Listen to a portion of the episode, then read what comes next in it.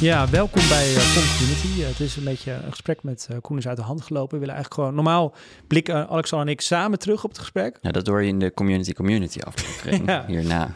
Uh, Exclusief op een heel betaald. Anyway, ja. ja. we hebben even niet genoeg aan elkaar. We willen jou, er, we willen jou erbij houden. Ook omdat we denken dat onze luisteraars heel veel van jou kunnen leren over startups. Hoe je die runt. En wat eigenlijk nodig is om een beter start-up klimaat in Nederland te creëren. Dus laten we daar gewoon eens over, over gaan praten. Leuk. Waar zullen we eens beginnen? Wat is, wat is het... Als mensen nu, als luisteraars nu luisteren en ze, willen, ze runnen een start-up, ze willen met een start-up beginnen. Wat is eigenlijk het eerste wat je hen altijd probeert mee te geven als je, dit, als je dat hoort, dat iemand dat van plan is?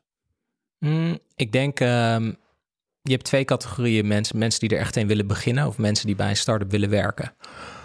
Um, en alle twee op hun eigen manier moet je uitleggen dat het moeilijker is dan ze denken. Dus Ehm, we kunnen straks over van hoe je er zelf heen start. Maar de makkelijke categorie is eigenlijk de mensen die denken dat ze bij een start-up willen werken. Ehm, daar zien we heel veel van. Ehm, en dat valt altijd een beetje tegen, want een start-up is een enorme teringzooi. Er is niks uitgevogeld. dus je komt heel erg in een soort van zooitje terecht waar je niet echt op kan voorbereiden. en je, wij kunnen eigenlijk altijd wel binnen drie weken zien of iemand het nou wilde maar niet echt wilden. Hm. Dus ze willen het soort van de uh, positieve aspecten van een start-up, maar ze kunnen niet eigenlijk in een ambiguë situatie hun eigen werk uitkarven. En... Waar herken je dat aan bij mensen? Hmm, ja, ze gaan heel snel vragen wat ze moeten doen. Hm. Want ja, je zit daar met een clubje mensen en je weet eigenlijk niet wat de volgende stap per se is. Het is onduidelijk de infrastructuur van je bedrijf is heel slecht. Right? Dus uh, je hebt niet echt, uh, misschien heb je vaste reviews en dingen, maar het is een zootje. Maar je moet toch uitvogelen met z'n allen van, oké, hoe komen we bij product market fit? Of hoe komen we op een punt dat er genoeg mensen ons product gebruiken? En mensen zeggen, mensen die naar je toe komen, maar van, oké, wat is het plan? Dan zeg je nou, het plan is om het zo te maken dat mensen het willen gebruiken. En dan zeggen ze, oké, maar wat zijn de stappen daar naartoe? En dan zeg je, ja, die zijn onduidelijk dan zeggen ze, dat is een hele slechte visie en communicatie. En dan zit je meestal een beetje zo van, oké, nou dit, dit gaat lastig worden, weet je maar, wel. Maar mijn reflex was dan in de correspondenttijd om die mensen een betere visie communicatie te geven. Dus dan lag het aan mij, niet aan hen. Gaat nooit lukken. ja, daar ben ik achter gekomen. Helaas, door schade Maar waarom zeg je dat? Het gaat nooit lukken. Nou, ik denk dat, oké, als je kijkt naar de beste bedrijven uh, die gewonnen hebben, dan hebben ze nooit gewonnen omdat ze hadden uitgevogeld hoe ze fantastische communicatie en visie continu uh, uh, door het bedrijf heen. Dat is een soort van mythe of een soort idealisme. wat mensen neerzetten over zo zou een goed bedrijf moeten werken. Maar startups die werken juist vooral omdat het zo'n enorme zo is en dat je toch uitvogelt omdat je zoiets zo goed maakt dat het ondanks die enorme teringzooi toch weet te werken. Hmm. Ik denk dat het veel beter is om de teringzooi van je start-up als een test te zien of je iets aan, goed genoeg aan het maken bent of het ondanks die rotzooi toch kan werken. Um, en dat heeft mij ook tien jaar gekost om dat uh, op die manier uit te vogelen. Want ik was er ook heel gevoelig voor de eerste paar jaar, waarbij iedereen altijd zegt: ja, de visie is onduidelijk. Nou, dan ga ik weer, weet je wel, een heel dek maken. Mm en dan ja, drie maanden later is het weer zover. Die visie is altijd een beetje onduidelijk. Je kan wel hele goede visie in de verte hebben van... Uh, nou ja, weet ik veel, misschien met die bril of zo van Apple... van oké, de computers gaan op zus of zo'n manier werken. Maar met visie bedoelen mensen meer vaak van... wat moet ik morgen doen en overmorgen doen? En dat is in startups vaak heel vaag. En dat moet je zelf uitvogelen, daarom zit je er juist. Want ik had dan soms het gevoel van... ik moet dan nu volwassen worden. Dus die visie en een goede communicatie... en het de afwezigheid van een teringzooi is een soort van... Dat is een streven dat ik moet nagaan om te groeien als, als, als founder of als directeur. Ja. Maar dat is eigenlijk een misverstand, wat jij zegt. Die teringzooi heeft ook, heeft, ook, is ook, heeft ook een functie, omdat daardoor kunnen mensen dus daardoor kun je dus de richting vinden die, die noodzakelijk is. Ja, ze zeggen altijd van die, uh, van die clichés van uh, you gotta uh, do the right things instead of doing things right. Hm. En het is een enorme afleiding als je denkt van nou, ik moet heel smooth bedrijf, want pas dan kan ik iets bouwen wat mensen willen hebben. Je kan best iets bouwen wat mensen willen hebben, terwijl je bedrijf echt zo'n rotzooi is. Ja, en dan, dan wordt het snel een afleiding om je bedrijf heel smooth te laten lopen. Het enige wat je moet doen is uitvogelen of je iets kan uitvinden wat mensen echt willen hebben. En nou, dan kom je eigenlijk op de andere groep. Dus de mensen die zelf een bedrijf start. Dat is moeilijk om iets uit te vogelen wat mensen willen hebben. Uh, en dan daarna komt, als je dat al hebt, dan moet je allemaal uitvogelen van... Oké, ja, kunnen ze ervoor betalen? Weet je, we willen ze een portemonnee ervoor trekken. En dan als ze betalen, dan moet je uitvogelen, kloppen de economics eromheen, zodat je het kan schalen. Zodat het een aantrekkelijk bedrijf wordt om in te investeren en dat je iedereen elk jaar opslag kan geven en de hele mikmak. En die tocht daarin is zo ongelooflijk, um, zo zwaar, ehm, dat ik denk heel veel founders, ja, het is, het is gewoon niet mogelijk om het niet te onderschatten als je daaraan aan begint. Wat met Framer, uh, de bedrijf waar hij nu aan werkt. Ik las in een interview met een van je co-founders dat, uh, dat jullie op een gegeven moment, het ging goed met Framer, maar jullie wilden eigenlijk naar een IPO toe werken. En toen realiseerden jullie met, het, met de huidige economics gaat dat niet lukken. Ja. Dus we moeten iets anders gaan doen. Ja. Is dat zo'n voorbeeld van een, strijd die je dan moet moeten leveren? Kan je dat wat meer, kan dat wat meer beelden maken wat daar gebeurd is? Ja, maar dat is ook de derde keer dat dat gebeurde ongeveer. Dus ik denk dat uh, jullie het alle twee meegemaakt dat je gewoon zit te kijken naar iets wat nog wel groeit, maar misschien steeds langzamer aan het groeien is. Tot het punt dat mensen een beetje zenuwachtig van worden van is dit nog wel een snel groeiend bedrijf. En je ziet mensen wat minder enthousiast worden. Je ziet dat de boardmeetings van een kwartaal naar het halfjaar gaan. En uh, het zijn hele duidelijke signalen vaak. En, je bedoelt van een half jaar naar een kwartaal? Dat de boardmeetings steeds vaker komen? Nee, minder vaak. Oh, minder vaak? Ja, als je oh, omdat je gewoon met de pet er, dat iedereen er met de pet naar begint te gooien. Kijk, investeerders die focussen zich op de nieuwe dingen die, die snel gaan en die hard groeien. Dus als je in een soort onderhoudslichte ja. aanmodus zit, dan... Ja, Verveling komt er kijken, ja. Ja, eh, er moet wat verandering zijn. En mm, even kijken hoor. Dus ja, ik, ik denk dat uh, de, de beste manier om het uit te leggen is van... als je van buiten naar startups kijkt, dan denk je altijd van... ja, het moet zo'n lijn naar boven zijn. Je ziet zo'n hele mooie lijn die soort van accelereert naar boven, zo'n groeiend ding. Maar in realiteit, als je inzoekt het begin van die lijnen... dan zijn het allemaal soort van stukken duct tape die je zo aan elkaar duct tape met trucs zeker niet dat ze de hele tijd naar boven gaan. Soms is het ook plat en dan moet je weer iets heel nieuws anders uitvinden. En dan komt heel veel emotie bekijken. Als je wel eens een uh, reorganisatie in een bedrijfje hebt gedaan of zo, dan uh, weet je dat er vaak gewoon een consultant wordt ingehuurd, omdat iedereen intern een beetje te moeilijk vindt om te zeggen: we gaan nu anders doen. Nou, bij start moet je elke week zo, we gaan het anders doen en iedereen boos. Weet je wel van ja, we waren net dit begonnen. Ja, we gaan het toch anders doen. Um, dat een paar jaar volhouden met een kleine kans dat je ook dan ook echt op een plek uitkomt dat al die dingen alignen, dat je snel kan groeien. Dat is wel, uh, dat is zwaar. En wat er de in je nek zit, is dat ja, het gaat best wel vaak naar nul. En dat betekent dat je gewoon vier, vijf jaar van je leven, en zo lang duurt het toch voordat je eigenlijk ergens bent, ja, kan je naar nul gaan. En, um, en dat, dat voelt best wel ja, het is natuurlijk leuk dat je zegt, nou, ik heb heel veel ervaring opgedaan of zo. Maar ja, naar nul is wel heel weinig na vijf jaar. Weet je wel, iedereen voor de rest heeft voor. Gebeurde dat? Naar nul gaan? Maar wij hebben wel twee momenten gehad in het framer dat we echt wel goed naar nul konden gaan. Wat ging daar mis dan? Nou, je ziet uh, eigenlijk um, een soort afnemende groei. Dus het lijkt alsof elk soort van elke uh, stap met extra revenue die je moet binnenhalen, um, dat dat wat moeilijker gaat worden. En dan op een gegeven moment moet je zo zeggen van ja, we hebben nu een half jaar proberen om dat om te buigen. Weet je wel, met tweaks, met een soort van kleine dingen. En moet je dan nu niet beslissen om het helemaal om te gooien? Dus moeten we gewoon niet eh, al die mensen vragen om weg te gaan en dat helemaal opnieuw doen? Of moeten we niet de hele richting van het product veranderen? Hoe zag de eerste keer eruit? De eerste keer zag eruit dat we probeerden geld op te halen voor, um, voor onze Series E. En um, ze hadden een product gemaakt eigenlijk voor designers om, ehm, om mee te prototypen. En dat was, uh, laten we zeggen, om het heel stom te maken, we hadden een soort Photoshop gemaakt waar je ook animaties en code in kon doen. Maar in de browser, en dit was iets waar jullie bij Facebook achterkwamen dat hier vraag naar was. Exact. En dus dit gingen jullie maken als eerste bedrijf. En toen wilden jullie voor het eerst een grote ronde ophalen. Kleine was makkelijk, want ja, we kwamen van Facebook, wel die acquisitie gedaan. Dus iedereen zegt, nou, we willen wel een paar honderdduizend euro in stoppen, let's go. Ja. Dus dat, dat ging heel goed. Maar bij een Series E, het is helemaal uitgevogeld door investeerders een soort van stappenplan van waar je moet komen. Bij een Series E moet je ongeveer een miljoen aan omzet draaien. En dat is eh, heel erg moeilijk. Want je kan een beetje de oefening doen van als je je kopietjes kan verkopen voor, laten we zeggen, 15 dollar per maand. Ik ben niet zo heel goed in wiskunde uit mijn hoofd. Maar dan heb je duizenden mensen nodig die je product afnemen. Die moeten allemaal die creditcard erin stoppen. Nou, als je een paar jaar, daar heb je echt wel een paar jaar voor nodig om daar te komen. En een miljoen is veel. En ja, dat, dat lukte ons gewoon best wel lastig. We, waren niet, we zaten niet in een soort van intersectie van uh, andere bedrijven die heel succesvol waren, die op ons leken, dat de investeerders er bovenop sprongen. Schappig nu als je denkt over Figma recent, want dat was precies wat Tijden we aan doen waren. veranderd. Ja. Dus, ehm, maar ja, op dat moment zeiden ook eigenlijk wel veel mensen tegen ons van ja, als je gaat zeggen dat je een design tool gaat maken, dan, ja, dan wordt het wel lastig. En dat vonden we ook heel erg. Dus ehm, ja, hadden ook nog wel goede vrienden en die waren bij investeerders gaan werken. En die zeiden ook gewoon van ehm, ja, misschien als jullie in San Francisco zouden zitten, zou ik het nog wel doen.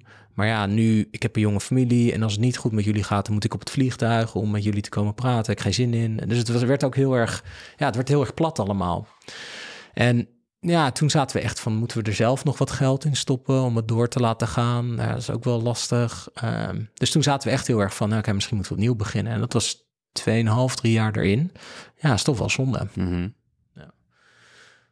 Ja, en zo hebben we er nog een paar van die Maar momenten hoe ging dat gehad. toen? Hoe ging dat verder? Want je, je, je twijfelde hier dus over en toen? Nou, toch gelukt. Dus uiteindelijk toch iemand gevonden die bereid was, die dat zag. En eigenlijk een soort van de truc voor ons in dit geval, maar die zijn altijd moeilijk te kopiëren, is dat we een hele jonge investeerster hebben gevonden bij Axel in Londen.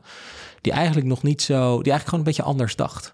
En die gewoon een beetje zo dat kijken van, ja, die guys die gaan het wel uitvogelen, linksom of rechtsom. Die design software maakt niet zoveel uit dat dat Mhm. het ding is. Ze komen er wel. Hm. Ik, ik zie dat wel naar iets goeds gaan. En Gewoon een bet op jullie. Ja, iets meer dat. En je hoefde dus ook niet de koers te veranderen. Je had geluk. Nou, we hebben toen de koers niet veranderd en dat was eigenlijk de tweede dip, want het liep helemaal vast toen. Ja, Oké. ja dus we zijn toen vol op die. ehm, ik, wij maakten, we hadden een keuze gemaakt om een soort design software te maken die heel erg high fidelity was. Dus waar eigenlijk meer geavanceerde designers goed mee konden werken. Maar wat we zagen op een gegeven moment na een jaar of twee of drie is dat de meeste designers die vandaag aan het designen zijn, die zijn wireframes aan het maken en post-it notes op virtuele whiteboards aan het doen. Ja, dus het is eigenlijk low fidelity. Dus dat is precies het tegenovergestelde van wat wij aan het maken Ja, dus in waren. plaats van heel gedetailleerd design, eh, waar jullie in gespecialiseerd waren, bleek dat de markt behoefte had juist aan heel grofmazig design. Exact. Ja. En ik, ja, ik heb wel, eh, kan een hele avond kan ik filosoferen over waarom dat die kant op is gegaan. Maar op een gegeven moment moet je gewoon denken van, oké, nou, dit werkt niet. Weet je, hier zit een doodlopend ding. Dus dan moet je het omgooien. Maar in ons geval hadden we echt een prachtige soort van ehm, situatie voor ons gemaakt. Ook typisch start-up, is dat je net heel veel geld op dat idee hebt opgehaald. Dus dat je nog steeds heel veel investeert om dat idee maar te laten werken. En dat ziet er vaak uit als 15 salesmensen die klaar zitten om dat product te verkopen, wat je niet verkocht krijgt. En dat wordt dan altijd heel erg eh, rommelig. Mhm. Dus ja, toen hebben we dat eigenlijk.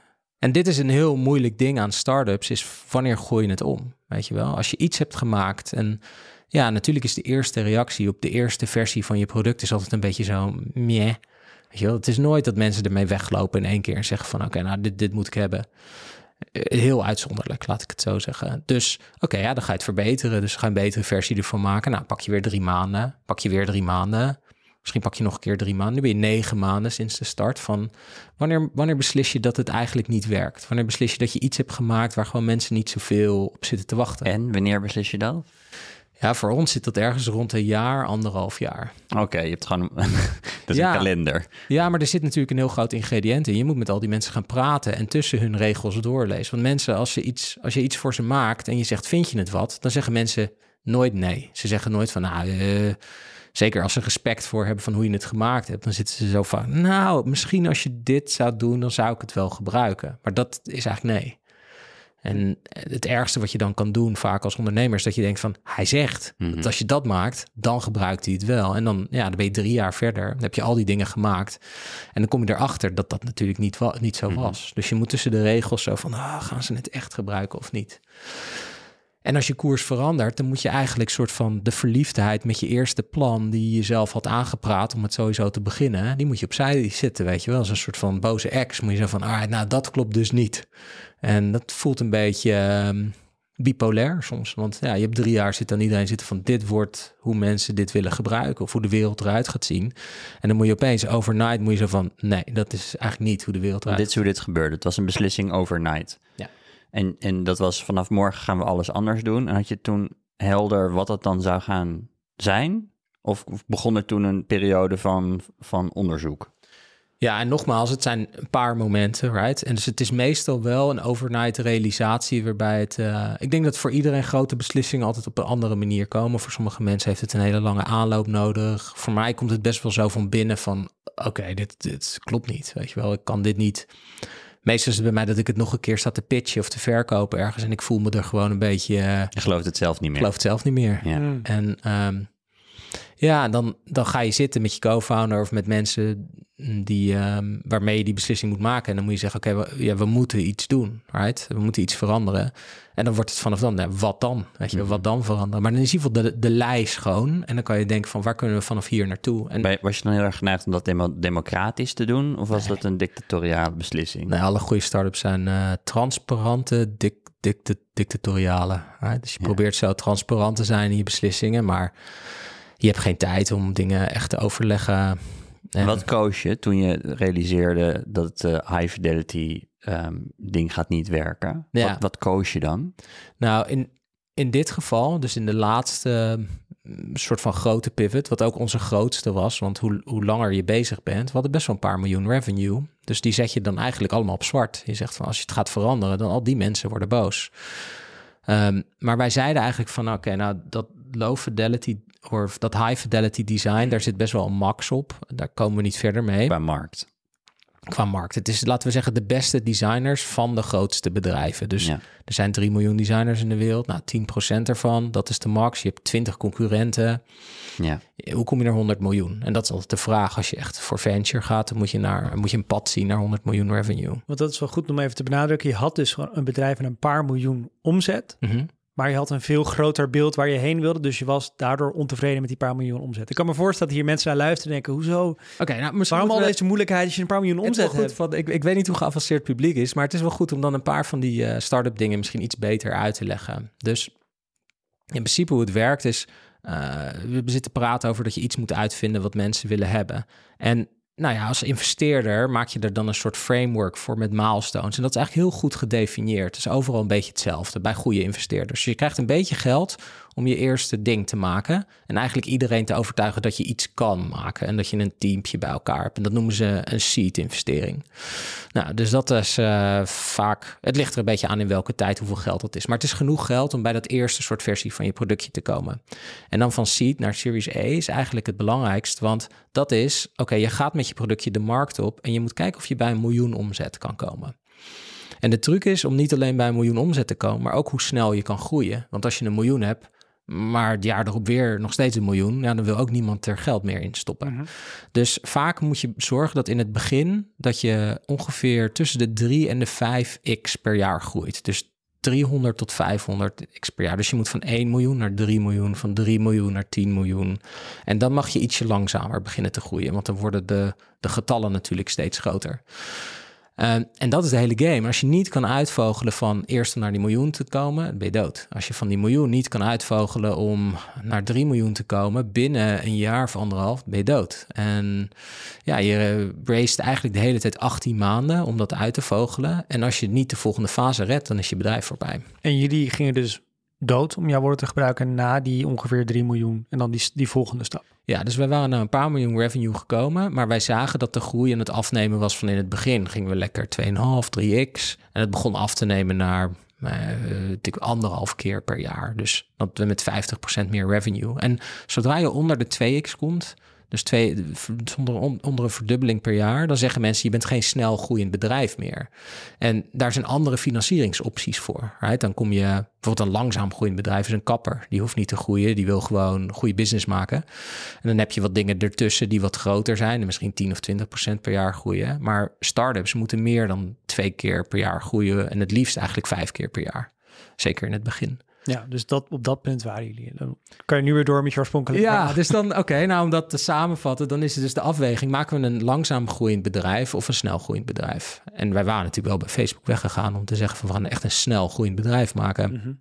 Nou, het was nog net snel, maar binnen twee maanden niet meer. Binnen twee maanden zou het wel echt onder die 2x dippen. Dus ja, toen moesten we zeggen van wat kunnen we dan doen? En dan ga je eigenlijk een beetje kijken van nou, misschien geven we het geld terug aan de investeerder, stoppen we ermee en dan doen we iets nieuws. En dat is vaak een goede optie. het is heel erg, uh, ja, ik ben uh, iemand met een ego en dus het is wel, dat wordt wel verslikken dan. Uh, maar het kan wel en als je dat netjes doet, dan kan je daarna vaak snel weer door. Heb je niet een soort PTSD of zo. Je moet niet te lang doorgaan met iets wat niet werkt. Dan, dat, is, dat ziet er vaak veel nader uit.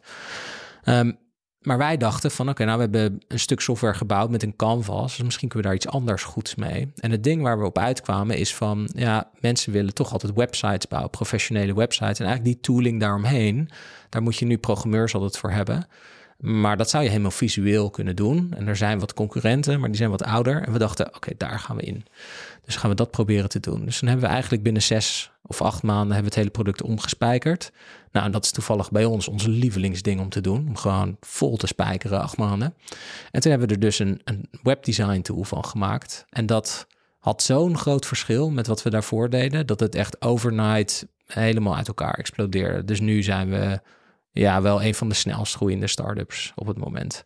En dat is puur omdat we eigenlijk ja, een andere markt, een andere doelgroep hebben aangesproken. Wel bijna met, de, met 80% dezelfde software nog steeds.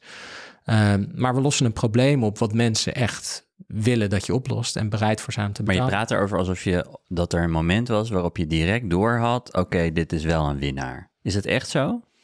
Mm, ja, dat ging wel rap. Want we gingen gewoon, toen we lanceerden, zagen we gewoon iedereen binnenkomen, het uitproberen en succesvol websites ermee maken die ze echt gebruikten. Dus dan kan je wel zeggen van, alright, nou, dit werkt. Maar we hadden een jaar nodig om te beseffen wat de orde van grootte van die winnaar was. Dus of het een soort van 3x per jaar zou worden, of 6x of 10x. Dat was beter dan het ding daarvoor, maar je wist niet hoe groot het zou gaan worden. Het moest in ieder geval een miljoen gaan doen binnen één jaar. Dat is het doel wat we hadden gezet. En die acht maanden, tijdens die acht maanden dat je het aan het bouwen was, had je niet een, uh, waren er geen indicaties voor je of dit heel succesvol zou zijn. Dat was echt eng. leuk, want je bouwt iets nieuws, maar het was wel eng. Dat is heel eng. Ja. want het was wel van. Nou ja, de test was dus: kunnen we vanaf het moment dat we het release binnen een jaar een miljoen genereren? Dat is een enorme moeilijke test. Ehm, en we hadden indicators, maar niet, niet hard. Je hebt geen data van tevoren of zo dat je zegt, nou, het gaat wel lukken. Je hebt gewoon mensen die zeggen, nou, ik zou het wel gebruiken.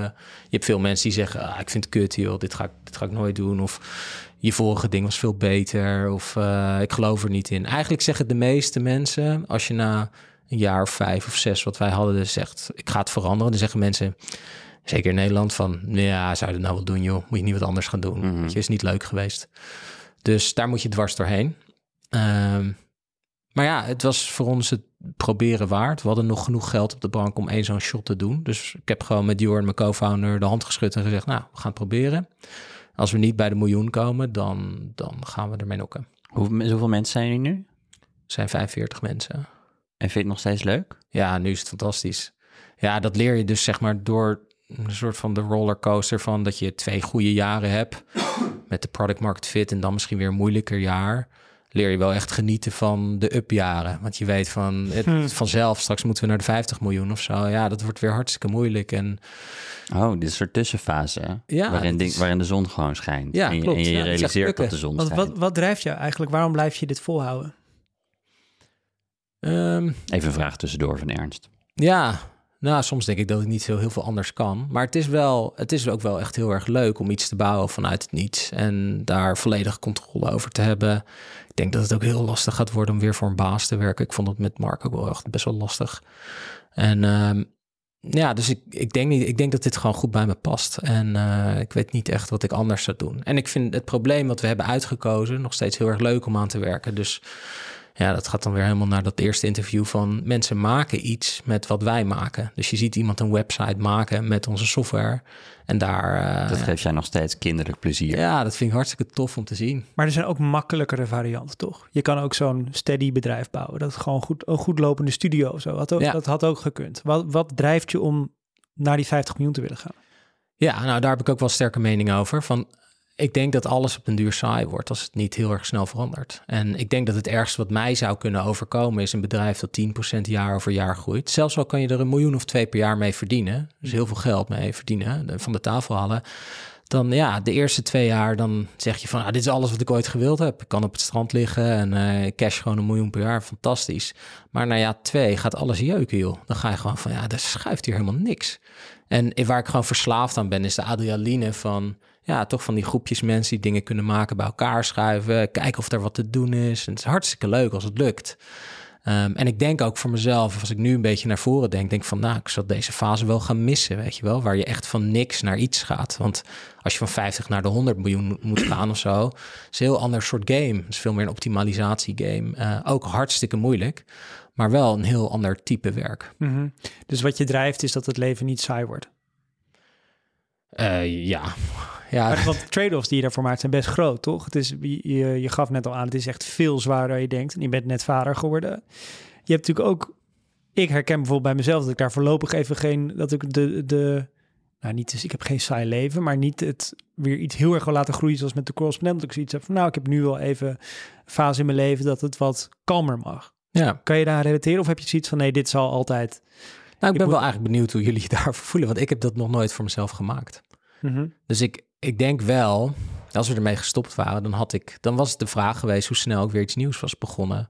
Maar dat is ook de manier waarop je stopt. Als je te lang doorgaat, heb je echt soms jaren nodig om bij te komen. En ja, jullie hebben het hier ook aan tafel gezien en om je heen. Het is zeg maar, als je zo'n bedrijfje begint, ja, de grootste, stoerste lui uh, ja, die gaan wel echt, die kunnen echt helemaal crumblen onder soort van alle druk van de investeerders en de publieke opinie over je en dingen. Als je een beetje in die spotlight ermee gaan doen, en zeker als er geld mee gemoeid is, ja, kan heel, uh, kan heel groot effect hebben op je psyche. Mm -hmm. Is dat iets wat je voor jezelf act actief probeert te voorkomen op een of andere manier? Ja, ik doe meestal geen podcasts en media dingen.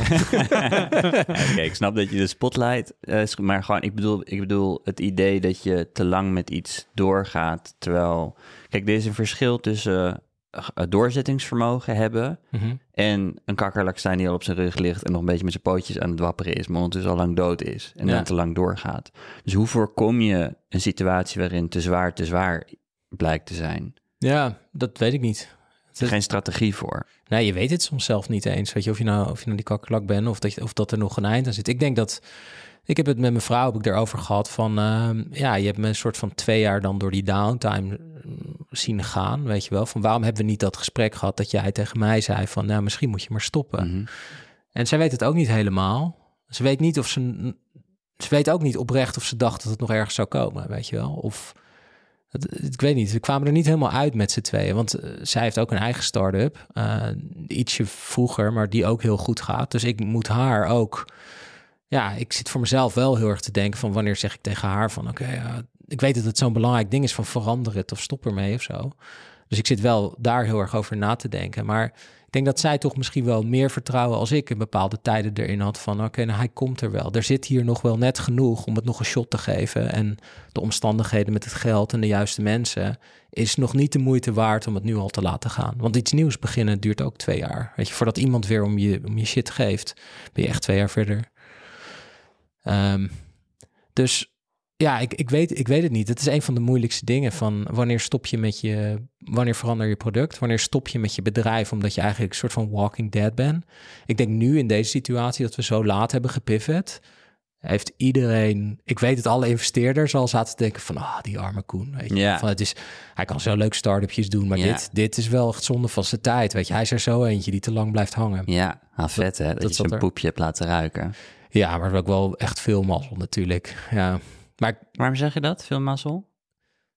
Nou, het is toch gewoon meer dan de helft. Kijk, dat we, dat we wat slimme keuzes hebben gemaakt. Dat we talent hebben om dat ding om te bouwen. En dat we wat slimme keuzes hebben gemaakt is één ding. Maar dat het gaat lopen en dat je op het juiste werd. Ja, heeft... Eh, sinds we dat ding aan Facebook hebben verkocht. Ja, we maakten Mac-apps. En dan gingen we aan een of andere Ivy League, sociaal netwerk. Dat dan alles ging winnen. In de tien jaar daarna gingen we het verkopen. Ja, dat is Dat wel is gewoon geluk, wil je. Ja. ja, of je moet een soort van astroloog zijn die het kan zien van tevoren. Maar die, die sterren die staan, je kan niet voorspellen dat die zo aligned staan. Ja. Dus, en dat, je hebt dat af en toe een beetje nodig. Je kan, het, je kan het voor een bepaald manier maken, maar je moet er wel realistisch over zijn. Dat het, ja, als je het een paar keer doet, dan uh, snap je wel dat het niet meer je eigen God-given talent is die dat allemaal kan bepalen. En heb je zin om van, van eh, 50 naar 100 miljoen te gaan? Zie je, zie je op tegen die fase? Nou, misschien omdat het werk anders wordt. Ja. Maar het is wel heel leuk om een bedrijf te bouwen en te zien gaan. En het is uiteindelijk, vind ik wel heel erg uh, uh, fulfilling. Uh, dus zaligmakend. Weet je, van dat je kan uiteindelijk met je co-founder of met de mensen waarmee je het gebouwd hebt, kun je de hand schudden. En je kan zeggen van nou, dit pakt niemand ons af. Weet je wel, wij hebben dit gemaakt. En dat heb je natuurlijk als je ergens anders wat werk doet. Dan dat projecten en dingen schuiven en je erft wat. En, en ik vind het gewoon heel erg fijn uiteindelijk om te voelen van oké, nou dat hebben wij echt gedaan met, met een leuk groepje mensen en er zijn allerlei relaties ingevormd. Maar denk je dat je die fase nog steeds leuk gaat vinden? Ja, dat moeten we gaan zien. Wat denk je? Ja, dat is bijvoorbeeld Berber mevrouw die zegt dat, dat, dat ze zich daar wel zorgen over maakt. Ja. Maar dat is ook allemaal op te lossen, want je kan... Ik wil het sowieso een keer meemaken, want het is, ik ben er dan nu zo heel erg hard aan het werk. En ik heb een hele goede co-founder, dus wij zijn heel dik samen. Ehm, en dus we kunnen het ook tussen ons heen en weer schuiven, misschien als dat nodig is. Dus we zitten al een beetje te grap. In het begin mag je nooit zeggen we doen het 50-50, maar ik ben de CEO en hij is de CEO. Ehm, want nu mag het allemaal wel. Nu vinden mensen het allemaal niet meer zo erg, want ze hebben gezien dat je er geen ruzie over krijgt. Maar misschien als Jorn een andere fase beter vindt, kan hij dat stuk pakken. Of misschien, wat je bij sommige startups ziet, is dat dat je iemand meer op een hele sterke COO ernaast zet, die een beetje dat optimalisatiewerk doet. Want er zit daarna vaak weer een fase bij bedrijven dat ze zichzelf niet meer kunnen heruitvinden of niet meer kunnen innoveren. En dat stuk zit ik wel eens van tevoren aan te denken. Ik denk dat ik daar goed in zou zijn, want ik kan altijd snel dingen veranderen en opnieuw bouwen. En ik kan zelf, ik prototype zelf nog heel veel van de features die we bouwen. Dus dat blijf ik heel erg leuk vinden. Hey, eh, we hebben het nu heel lang over jou gehad, maar wat vind je eigenlijk van het start-up klimaat in Nederland? Hoe kan dat beter? Ja, nou, het is, ik denk dat het heel erg, um, ik denk dat over het algemeen dat het heel erg is verbeterd. In de zin van, um, ja, toen ik naar Facebook ging, toen ik terugkwam, was het, was het er opeens, weet je wel. Waren er wat investeerders en zo. En um, waren mensen ook veel slimmer over hoe ze start-upjes begonnen en veel van die dingen. Maar om bijvoorbeeld een voorbeeld te geven, er zaten ook nog heel veel slechte investeerders in Nederland. En met slecht bedoel ik mensen die investeren op een manier dat ze eigenlijk de kans dat een start-up door kan groeien, door zich niet aan die regels te houden, wegnamen. Dus misschien niet met slechte intenties, maar als jij tegen iemand van 19 zegt van, uh, nou, voor 50% van je bedrijf of 49% geef ik je 100.000 euro, dan kan je daarna nooit meer geld ophalen. Dan kan je niet naar een IPO. Ja, het voelt op dat misschien, misschien heel redelijk dat iemand die veel geld aan je geeft, dat je die de helft van je bedrijf geeft. Ja. Maar daarmee neem je een belangrijke beslissing voor de toekomst en dat heeft die investeerder misschien ook niet eens door. Ja, exact. En, en we hebben veel rijke mensen in Nederland, maar die zijn dan rijk geworden met handel of iets waar wel iets op die manier werkt. En die passen dat systeem daarop toe. Dus het is ook niet heel gek. Dus wat ik toen deed, is dat ik hele kleine tickets gaf aan mensen voor 5000 euro, maar wel tegen hele serieuze valuaties. En als ik dan zorg dat ik de eerste was, dan komt daarna nooit iemand anders er meer in van, oh ja, maar ik wil veel meer hebben voor hetzelfde geld. Uh, dan kon ik soort van mijn ticket gebruiken als in van, ja, dan stap ik eruit. Weet je. Een soort vaccin. ja, een soort vaccin. Ja, of anti, anti-vaccin. Dus dat, dat werkte. Ik denk dat dat nu wel een stuk beter is. Ik moet wel zeggen dat ik nog niet heel erg uh, impressed ben door de investeerders in Nederland. Maar dat kan ook zijn dat ik dat niet was. En dan nu er niet zoveel aandacht aan heb besteed. Maar ik zeg wel vaak tegen startups van ga maar even lekker in Europa kijken eerst. Wat valt je op dan bij Nederlandse investeerders? Wat is het verschil? Nou, ik denk dat er... Uh, kijk, sowieso investeerders moet je voorstellen dat het werk is een beetje raar. Um, als ik tegen jou zou zeggen van... Uh, hier heb je 20 miljoen van mij. En jij mag dat investeren. Uh, je hebt vijf jaar om het uit te geven. En uh, je krijgt elk jaar krijg je 2% ervan, mag je in je zak steken. Dat is gewoon wat je krijgt. Um, en als je ook nog eens winst maakt met die investeringen die je doet de komende vijf jaar. Ook betaal je trouwens voor 10 jaar, want dat is een soort van de horizon. Dus 10 jaar lang krijg je 2% van die 20 miljoen. Um, als je nog winst maakt, dan krijg je daar ook weer 20% over. Verlies maakt niet uit. Dan zit jij van, nou, dat klinkt te mooi waard zijn. Jouw geld uitgeven voor tien jaar lang best wel veel geld in mijn zak. Relaxed. En uh, moet ik dan, wat is dan de benchmark? Weet je, hoe goed moet ik het dan investeren? Misschien beter dan de beurs of zo? Nee, dat hoeft niet. Want dat doet eigenlijk geen ene investeerder, verslaat de beurs. Dus ik vind het gewoon een heel raar. Ik vind het heel raar dat de markt dat er nog niet uit heeft geduwd of zo. Dus ik heb het enige gedaan wat je daar kan doen. Ik ben zelf ook investeerder geworden. Want het is zo'n goede gig, zo'n sweet setup. Dat, ja, dat het gewoon een beetje vreemd is dat daar dat dat nog bestaat. Maar het trekt natuurlijk heel veel mensen aan. Want ja, het is, het is super deal. Um, je kan gewoon tien jaar hartstikke veel verdienen zonder dat je eigenlijk echt iets hoeft af te leveren. Hmm. Er zit een top percentage in de investeerders die er echt uitgaat als ze geen goede investeringen maken. Maar het is de 0,1% die bij Sequoia en Index allemaal werkt. Maar je hebt nog honderd keer zoveel investeerders. En daarvan zitten er denk ik ook veel in Nederland. En ja, die hebben natuurlijk dan niet uh, zoveel uh, ervaring of zoveel... Het zijn niet zo incentivized om daar zo erg hun best voor te doen. Want Ja. het, is, het is gewoon best wel een goede setup. Ja, En dat zie ik in het buitenland. Bij die topfondsen zie je dat ja, je gaat er gewoon uit als je een paar, paar goede investeringen mist. En dan denk ik dat dat mensen zijn die ook meer hun best doen voor jou. juist. En wat probeer je anders te doen in je eigen fonds? Ja, wij hebben eigenlijk weer eh, voor ons. Kijk, een fonds is eigenlijk zeg maar hoeveel access je hebt naar goede nieuwe startups die je ziet. En een van de dingen die we beseften met Framer toen we die websites gingen maken, is dat bijna alle nieuwe startups maken nu hun websites op Framer. En ik zie ze voordat ze lanceren. Dus ik heb een enorme feed intern van alle nieuwe sites die gebouwd worden op het platform. En als wij er een mooie site tussen zien zitten van een cool nieuw product, ja, dan bellen we ze en dan zeggen we, kunnen we helpen? Dat deden we altijd al. En nu kunnen we zeggen, "Hey, kunnen we helpen? En wil je 50.000 euro of 100.000 euro als investering? Uh, en dat kunnen ze dan natuurlijk weer uitgeven aan een Framer abonnementje ook. Dus dit is wel een beetje hoe het allemaal werkt. En, uh, en, en wat probeer je anders te doen dan andere investeerders? Nou, kijk, ik denk dat het verschil is uh, tussen mensen die zelf ook een bedrijf runnen als investeerder hebben of gerund hebben, zoals jullie of zo. Dat jullie weten gewoon heel veel praktische dingen van waar je tegenaan gaat lopen met een bedrijf. Terwijl je moet gewoon eerlijk zijn dat de meeste investeerders hebben nooit aan die Ja. kant gestaan. Ja, dus jullie hebben aan de ene kant ondernemerservaring, maar aan de andere kant een onderneming Ja. en daarmee weinig tijd.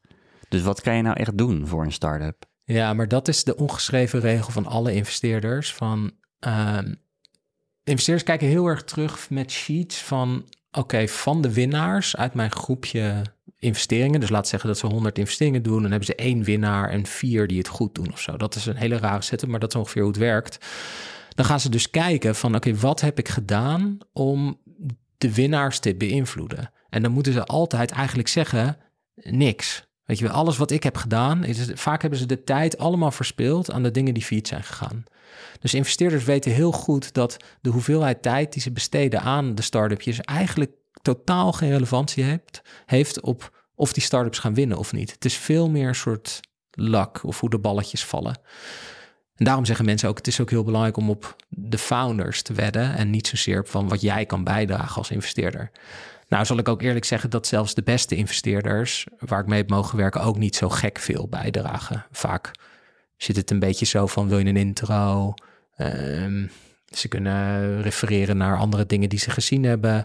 En ze maken vaak een sheet hoeveel salesmensen je moet hiren om bij je revenue targets te komen. Maar het stomste wat je kan doen is een operationeel probleem van je bedrijf naar een investeerder brengen. Want ja, ze weten het vaak gewoon niet. Maar het is in, in, in, in het wereldje wordt, wordt een beetje met dédain gesproken over dom geld. Mm -hmm. Maar eigenlijk zeg je dus geld met mensen die, waarvan je vermoedt dat ze weinig kunnen bijdragen. Mm -hmm. Maar eigenlijk zeg je, maakt geen reet uit. Eigenlijk weet iedereen dat ook wel. Ja. Maar je moet je geld verkopen, right? Dus het, het zijn salesmensen met geld. Dus kijk, als jij, weet ik van een miljoen te deployen hebt en ik heb een miljoen te deployen, ja, wat ga ik dan doen? Weet je, dan ga ik, dan ga ik zeggen hoe slim ik ben. Ja. Dan ga ik zeggen van, uh, ja, ik heb een soort uh, bomenmerk uit Californië en die heeft het ooit met HP gedaan, dus daarom moet je mijn geld hebben. Weet je, ik ga het branden en ik ga een soort van retreats organiseren in de woestijn met allemaal hutten en Elon Musk. Ja. En dan ga ik zeggen van, bij mij moet je zijn, weet je, Alex weet niks. Maar uiteindelijk uh, is, het, is dat meer marketing dan het helpt. Nou moet ik zeggen dat er uitzonderingen op zijn en ik zit natuurlijk een beetje grapjes te maken over Sequoia, omdat dat, dat de bekendste is.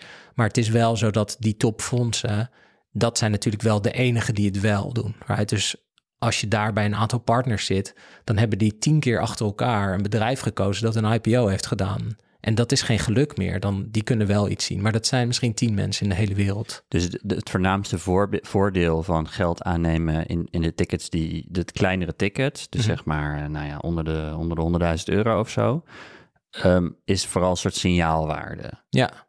Dit zijn mensen, een, een, mensen die al veel knappe dingen hebben gedaan, hebben geld aan mij gegeven. Dat, Kijk hoe dat, geloofwaardig dat is heel, ja, dat helpt heel erg. Dus als je een soort van goede angels eh, hebt, dus dat noem je angel investors. Ja. En je zegt, deze mensen geloven in mij, dan is dat hetzelfde als dat je een quote op je website zet van uh, sinds ik Koen's point of sale gebruik, Ja. eh, heeft de vriend van Ja, mijn vrouw leren het ze allemaal niet op school. Het is wel toch wel fijn af en toe dat mensen dit soort dingen gewoon vertellen. Hoe heet je fonds?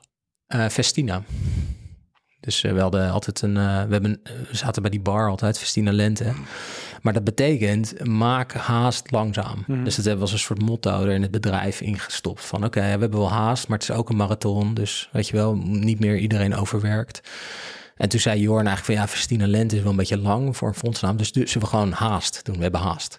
Dus En er het. komen verkiezingen aan over een tijdje. Zijn er nou dingen die je graag zou willen van de overheid op, om, om het start-up klimaat te verbeteren?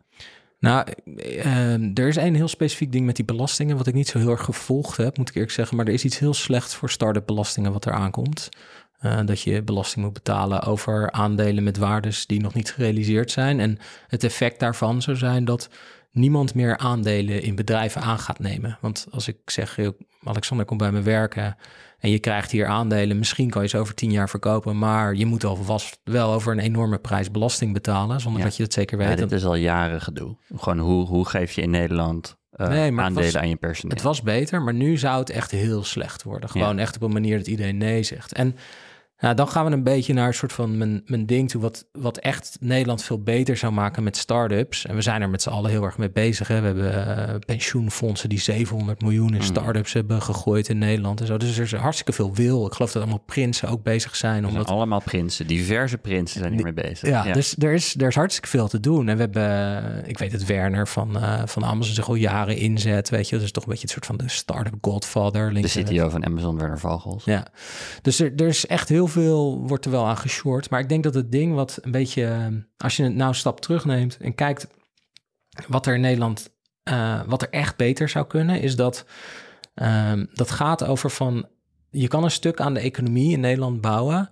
ehm, waarbij je grote bedrijven kan laten ontstaan. En we willen allemaal meer boekings, meer adjens, meer soort van bedrijven die heel veel werk maken. Er zullen ook wel nadelen aan zitten. Eh, die ik misschien niet zo goed kan opnoemen. Maar in principe is het goed als er mollies en dat soort bedrijven ontstaan in Nederland. Want het zet ons internationaal op de kaart, trekt talent aan, het geeft veel banen, werkgelegenheid, al die dingen. Dus je moet, ehm, je moet een omgeving maken waar dat soort bedrijven zo goed mogelijk kunnen ontstaan. En dat heb ik nooit zo heel goed begrepen vroeger, hoe, hoe, je, dat kon, hoe je dat kon stimuleren. En laat me beginnen bij het einde van als er zo'n bedrijf ontstaan is. Want dat is een van de voorwaarden dat er nieuwe van kunnen ontstaan. En dat is dat de mensen die eraan mee hebben gewerkt, dat die rijk worden van dat er zo'n bedrijf ontstaat. Want die denken, net als die handelsman die een investering heeft gedaan nu, die het niet zo goed gesnapt, heb je dan rijke mensen die uit die bedrijven komen en zeggen van hé, hey, ik ga angel investen. En ik heb gezien hoe het werkt, dus ik ga het op de juiste manier doen. En als wij oppassen, dus als we, als we niet oppassen, maar we maken een soort omgeving waarin mensen geen aandelen meer gaan aannemen, ehm, ja, dan komen er geen rijke mensen uit bedrijven. En dat is al relatief heel slecht in Nederland. Ik geloof dat Adyen misschien een paar miljonairs heeft gemint. Ik weet het echte ding niet, maar het is relatief veel minder dan wat er bij Facebook of zo gemint wordt. Of een soort gelijk bedrijf in Amerika. Dus dat betekent dat er veel minder rijke mensen uitkomen. En daardoor is het veel moeilijker voor techbedrijfjes om die eerste angels te vinden. Dus dat zou goed zijn. Daar moeten we heel erg op oppassen dat die mensen wel rijk eruit worden. Zodat ja, zij dat weer in iets nieuws kunnen stoppen. En ook dat het voor mensen de moeite waard is om bij snel groeiende bedrijven te doen. Maar het grootste ding daarvan is dat als je kijkt naar waar de Amerikanen nou zo verschrikkelijk goed in zijn, los van een hele hoop andere dingen, is dat zij hebben uitgevogeld hoe je met geld van over de hele wereld grote bedrijven bouwt. En dat noemen ze kapitaalallocatie. En heel eerlijk gezegd, ik als founder en jullie als founders, jullie, wij waren kapitaalallocatie mensen. Dus we nemen geld aan en we stoppen het ergens in, zodat het meer wordt. Elon Musk is waarschijnlijk de beste capital allocator in de, in de wereld. Want iedereen geeft hem graag geld, want je weet dat het meer wordt. Die kans is enorm.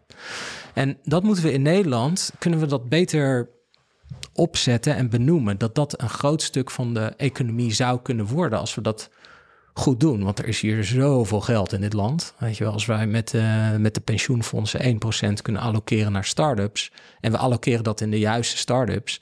ja, dan kunnen we gewoon waarschijnlijk het aantal succesvolle grote bedrijven... dat we dat we kunnen bouwen vertienvoudigen. En ik denk dat dat een stuk is dat we dat dat heel erg bestaat en werkt op andere plekken van de wereld. Maar zo kijken we er niet naar. De manier... Wat doen zij dan wel wat wij niet doen? Ja, dus ze hebben eigenlijk gewoon al die soort van investeringsinstituten. Um, samen met, uh, laten we zeggen, geld van over de hele wereld. Dus wij hebben hier natuurlijk Londen zitten. Er komt ook veel geld uit uh, natuurlijk van Saoedi-Arabië en de hele mikmak. En daar is een heel netwerk van samen ontstaan. Waarbij dat op een hele nette manier ge, gepoint kan worden op de meest op de meest talentvolle mensen die iets nieuws willen beginnen. Mhm. En daardoor krijg je veel mensen die iets nieuws willen beginnen, want die denken: hé, hey, er is geld. Weet je, ik hoef het niet van mijn eigen spaarrekening te doen. En dat systeem uh, dat daar bestaat in Amerika wordt eigenlijk heel erg benoemd. Iedereen weet dat het zo werkt, dat het er is en is ermee bezig.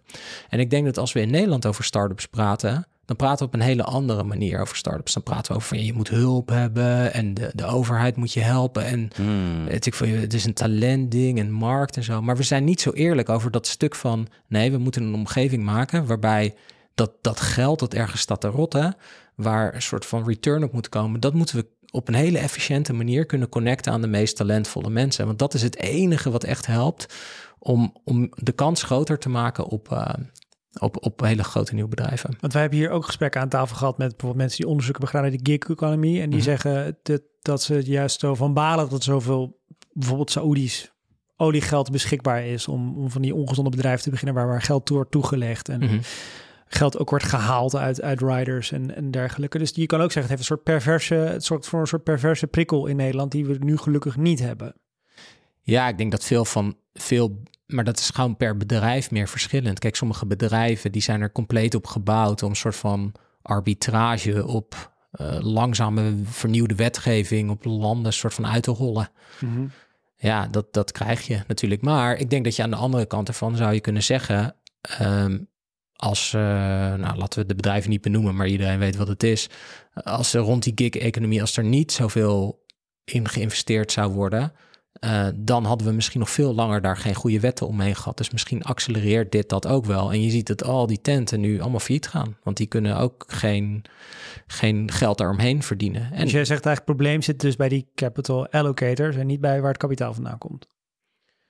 Nou, kijk, als je ver genoeg gaat teruggraven waar het kapitaal vandaan komt, dan wordt niemand blij altijd. Daar moeten we ook eerlijk over zijn. Dus ik denk dat iedereen. Uh, ja, het is hetzelfde als van uh, als je door je klerenkast heen gaat graven, dan vind je ook iets uiteindelijk wat, waar je niet heel blij mee bent. En dat is met geld veel erger. Je, uiteindelijk komt al het geld dus wel eens een keer door iets slechts heen geweest. Maar er worden allemaal laagjes opgebouwd en gecontroleerd om dat, om dat goed bij elkaar te brengen en netjes te houden. Maar als je geld goed genoeg gaat teruggaven, ja, de Saoedi's zijn het rijkst en de Amerikanen zijn rijk en iedereen voert oorlogen en dat wordt heen en weer geschoven. Daar, daar kunnen we heel naïef over doen met z'n allen, maar dat is wel hoe, hoe het uiteindelijk in elkaar zit. Ik denk niet dat je met je start-up daar zo uh, heel erg mee bezig hoeft te zijn, maar ik denk, want dat zijn relatief kleine bedragen, maar ja, je weet het, uh, als je gaat kijken van oké, waar wordt mijn pensioenfonds in geïnvesteerd, dan wordt het heel, heel erg netjes bijgehouden. Maar ik weet zeker als je ver genoeg door gaat prikken, dan komt er ook wel iets, iets naars uit, weet je wel. Maar eigenlijk als ik je goed begrijp, zeg je er moet meer uh, geld ter beschikking komen, wat door slimmere mensen verdeeld wordt over getalenteerde mensen die er wel zijn. Dus het is geen gebrek aan getalenteerde mensen, er is geen gebrek aan geld. Er is een gebrek aan mensen die in de gaten hebben waar dat geld naartoe moet in Nederland. En dat zijn dus een beetje de visies waar je het over hebt, waar in Amerika gewoon meer doorselecteren plaatsvindt. Mm -hmm.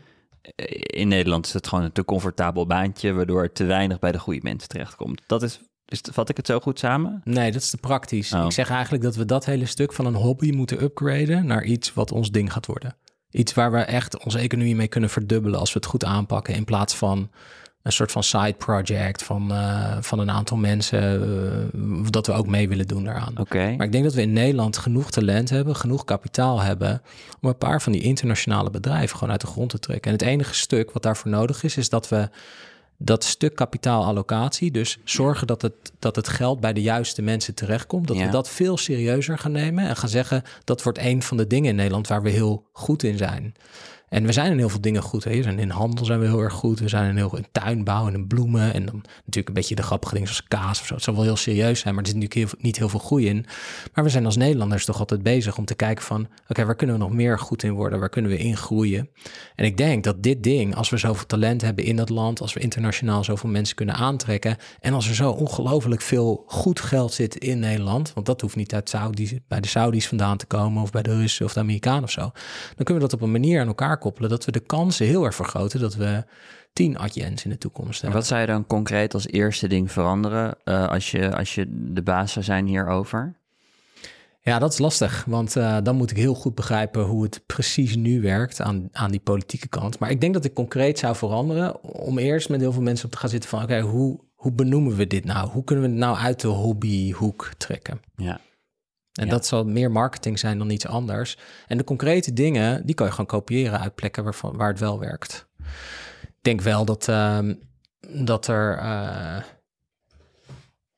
ja, ik, ik, ik ben benieuwd hoeveel mensen er uit vorige Nederlandse bedrijven die groot zijn geworden... of die niet meer bijvoorbeeld betrokken kunnen worden bij nieuwe initiatieven... waar Ja. kapitaallocatie gebeurt.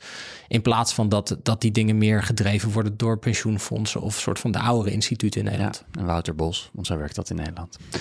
Oké. Zullen we Koen laten gaan? Ja, ik denk dat we Koen kunnen laten gaan. Heel veel dank Dankjewel. Alsjeblieft. echt voor al deze tijd die je in, ons, in onze luisteraars gestoken hebt. Dat is echt heel erg gewaardeerd. Ja, was hartstikke leuk. Tot de volgende keer. En eh, dank voor het luisteren. Ja, dit was Pom. Dit was Pom. Dag.